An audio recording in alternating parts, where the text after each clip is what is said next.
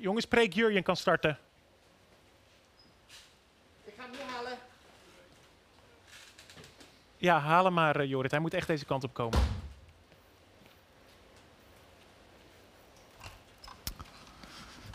Ja, dan moest je verwachten? Eerst al een uur op de Beam Kerkdienst en toen ook nog op mij. Maar ja, zo zie je maar, niemand heeft alles in de vingers, zelfs de redactie van Beam niet. Het gaat soms helemaal anders dan je gepland hebt. En dat is in jouw leven toch ook zo? En in dat van mij? Wie had aan het begin van 2020 bedacht dat we met die pandemie te maken kregen? Dat je examen zo anders zou gaan? Dat het examenreisje geannuleerd zou worden? Of de reis, de werkvakantie die je met je kerk zou doen? Dat de start van je nieuwe studie zo online zou verlopen? Het gaat anders. We moeten wachten, volgens de experts, wachten op een vaccin of wachten op afwachten maar.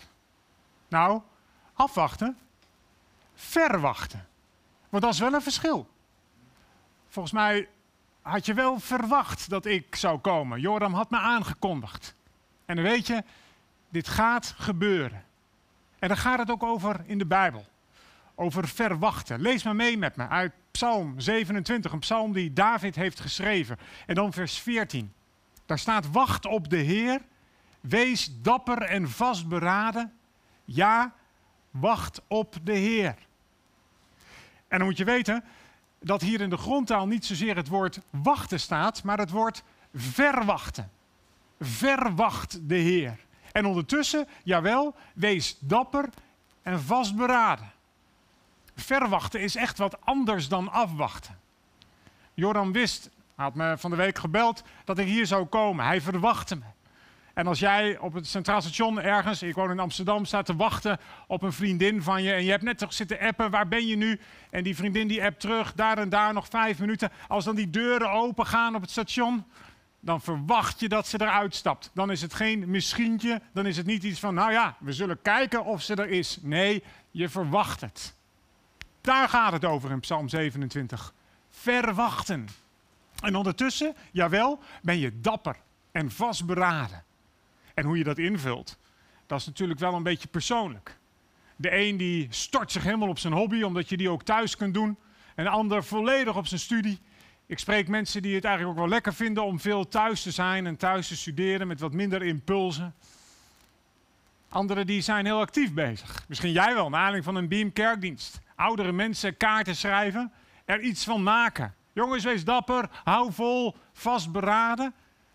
Maar, wacht even, David zegt het wel in een context. Ondertussen, wacht op de Heer. Verwacht de Heer. Het is niet zomaar alleen een beetje stoer bezig zijn. Oh jongens, dat fixen we wel. Komen we doorheen. Dapper, vastberaden.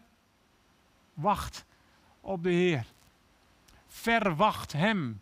Weet dat Hij komt. Dat Hij komt? Komt voor wat? Ja, allereerst dat Hij er is vandaag de dag in jouw leven, in jouw slaapkamer, in jouw huis, in jouw situatie. Daar waar het hier zo vaak over gaat, in de Beam Kerkdienst. Dat Hij jou mag vertellen dat je geliefd bent. Dat Hij daar is om jouw zonde en die van mij te vergeven.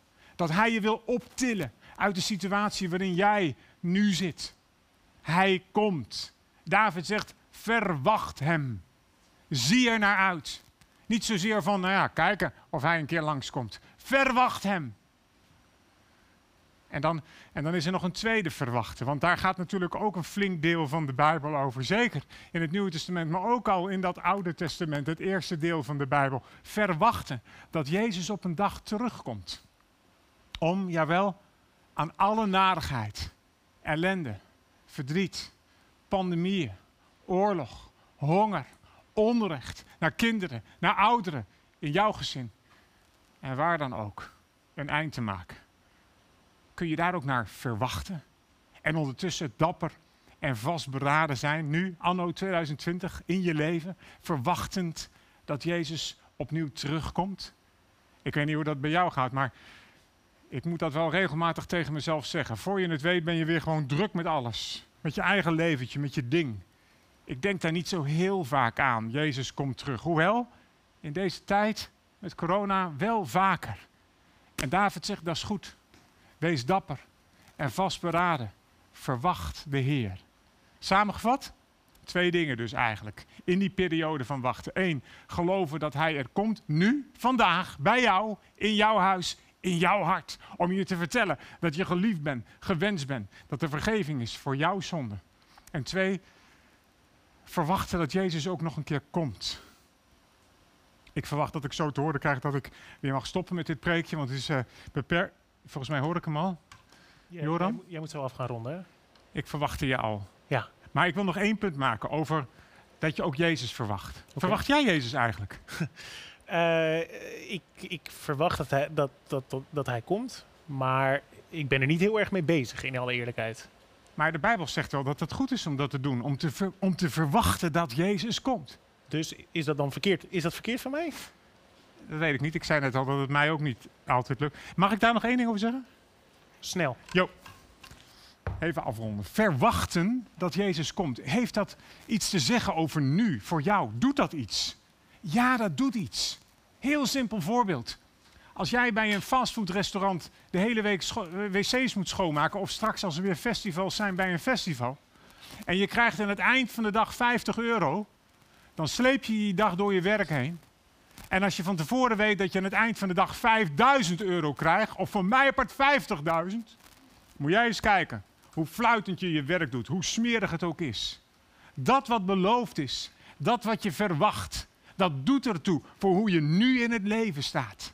Als jij verwacht dat Jezus terugkomt en dat er een eind zal komen aan al dat onrecht, aan dat geweld, aan zonde die elke keer oppopt in jouw leven, of wat ook hetgeen is waar jij mee belast bent, waar je, waar je moe van wordt, verdrietig van wordt, waarom je denkt, oh Heer, laat het maar, ik ben er klaar mee, ik ben er zat van.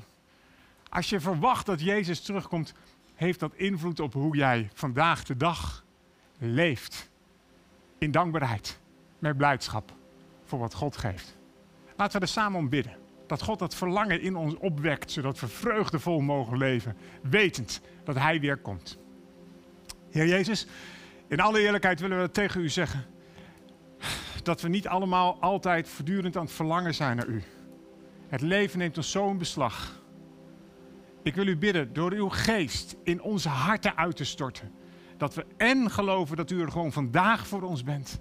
En geloven, Jezus, dat u terugkomt. En dat het weten daarvan, het geloven daarvan, voor nu alle verschil maakt in de manier hoe ik dapper en vastberaden kan leven. En dat bid ik voor iedereen die vandaag zit te kijken. In de naam van Jezus. Amen.